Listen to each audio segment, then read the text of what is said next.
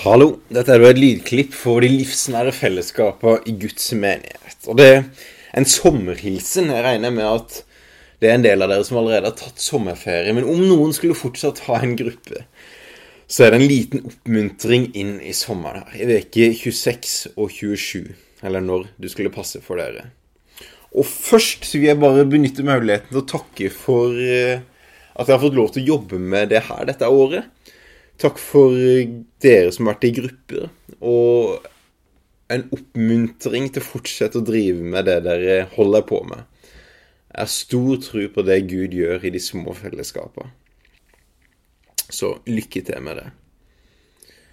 Det jeg har lyst til å oppmuntre til denne siste innspillinga, er hvilke vaner vi kan gjøre sånn at sommeren blir en sesong der kjærligheten til Jesus og kjærligheten til mennesker faktisk øker. For ofte så er det sånn at sommeren blir en tid der vi gleder oss til å endelig hvile, endelig slappe av. Vi legger ned alle vaner, alle ting vi skal prestere, og så går vi inn i en hvilesesong. Og det er fantastisk i seg sjøl. Men ofte kan det komme på bekostning av kjærligheten til Jesus og kjærligheten til mennesker. På grunn av at vi holder ikke oppe det aller viktigste. Og greia er kanskje at vi bare ikke er så gode på overganger. For livet består av overganger og ulike faser.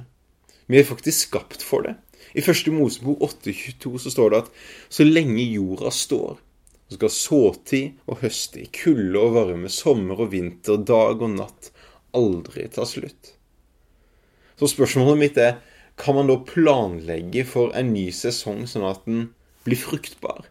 Kan man gå inn i en sommerferie der man skal få lov til å senke ned skuldrene og hvile, samtidig som det er en sesong der vi går ut av sommeren med enda større kjærlighet til Jesus og enda større kjærlighet til mennesker rundt oss?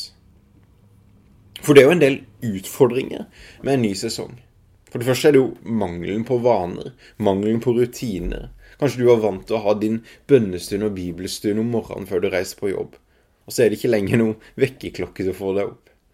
Eller at du gjennom dagen hadde alltid noen fripunkter til å, til å tenke sjøl, og så plutselig så har du barn rundt deg hele tida.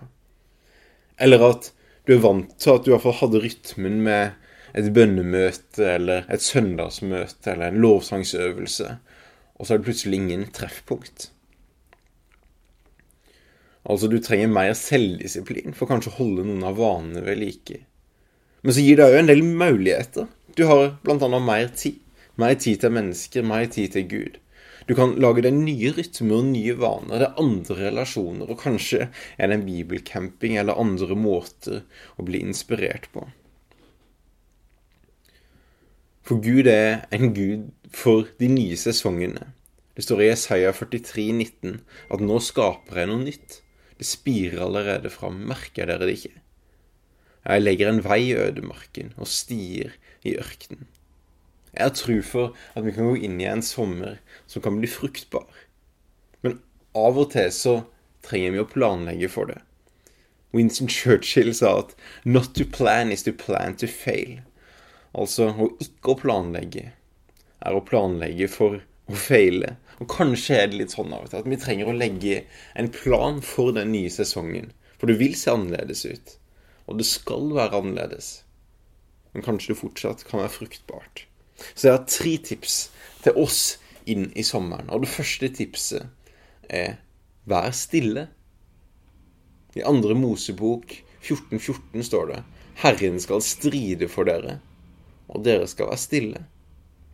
I Salme 62, 68 står det Bare hos Gud skal jeg være stille. Fra ham kommer mitt håp. Bare han er min klippe, min frelse og mitt vern. Jeg skal ikke vakle. Hos Gud er min frelse og min ære, min mektige klippe, min tilflukt er hos Gud. I et samfunn som handler mye om oppgaver og gjøremål, så kan sommeren bli en sånn tid der vi kanskje er litt stille, men vi glemmer å være stille hos Gud.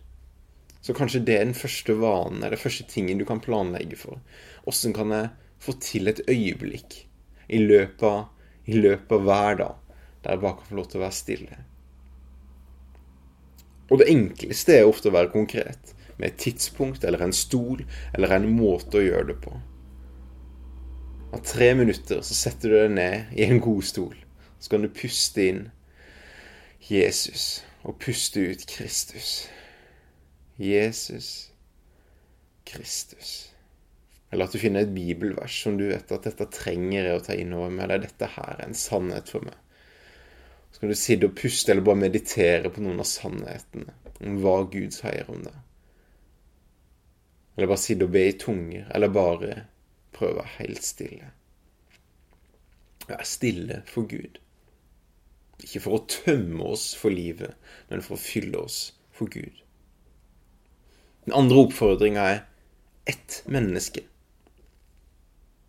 Har du noen som du har tenkt på? At du kanskje har bedt for en relasjon, eller bedt for noen mennesker. Kanskje noen relasjoner har sklidd litt ut pga. bare hverdagen vår er blitt for travel. Jeg tipper at bare med å nevne det, så kommer det en person opp i tanken din. Så bestem deg for én person, og sett av litt ekstra tid til han eller hun den sommeren her. Kanskje det kan være en, en viktig relasjon for tida videre. Kanskje er det noen som trenger det. Kanskje er det noen du trenger inn i livet ditt. Kanskje er det noen du kan være med å inspirere, eller kanskje er det noen du trenger å bli inspirert av. Hvem er det mennesket? Og så den siste hjelp hverandre til det. Spesielt for dere som er gift. Ta så Snakk sammen om de ønskene eller de tingene vi planlegger for i sommer, for at det skal være en mer fruktbar sesong. Kanskje er det å være stille. Kanskje er det å, at jeg hver dag skal få litt tid til å lese i Bibelen. Eller en bønnestund. Kanskje det er en ti minutts gåtur alene der den bare kan være i stillhet og be. Ta så, Vær ærlig med hverandre. Hvordan kan den andre legge til rette for en fruktbar sommer? Eller for at du skal få tid til å bruke tid med det mennesket som du nå tenker på. For min og Elses del så er det her en av de største Den viktigste hjelpa en kan få. For det å bare ta seg den tida når det er unge som løper rundt, og alltid ting man burde ordne, kan være kjempevanskelig. Men når Else kommer og sier til meg Hei, nå er det din tur. Nå har du en halvtime eller time til å bruke den med Jesus.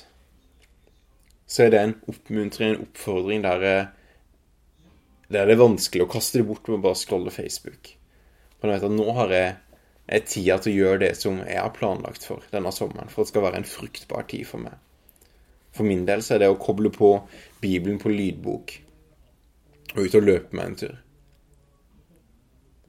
Og, etter lydboka er ferdig med dagens plan, så er det å på to låssanger, så det kan være litt til tilbedelse. Så avslutter det med en sang der jeg kan få lov til å, be for dagen og be for de tingene som Gud legger meg på hjertet. Det er det rommet som gir meg noe, og som Else kan hjelpe meg til å få. Og så har Else noe annet som jeg kan hjelpe henne til. Men gi rom til hverandre. Gi rom til barna deres. Gi rom til eventuelt de den er nært på. For jeg tror sommeren kan bli en fruktbar tid for oss. Der vi vokser i kjærligheten til Gud, og vokser i kjærligheten til hverandre. Lykke til. God sommer. Så håper jeg vi høres med ulike anledninger. Ha det bra.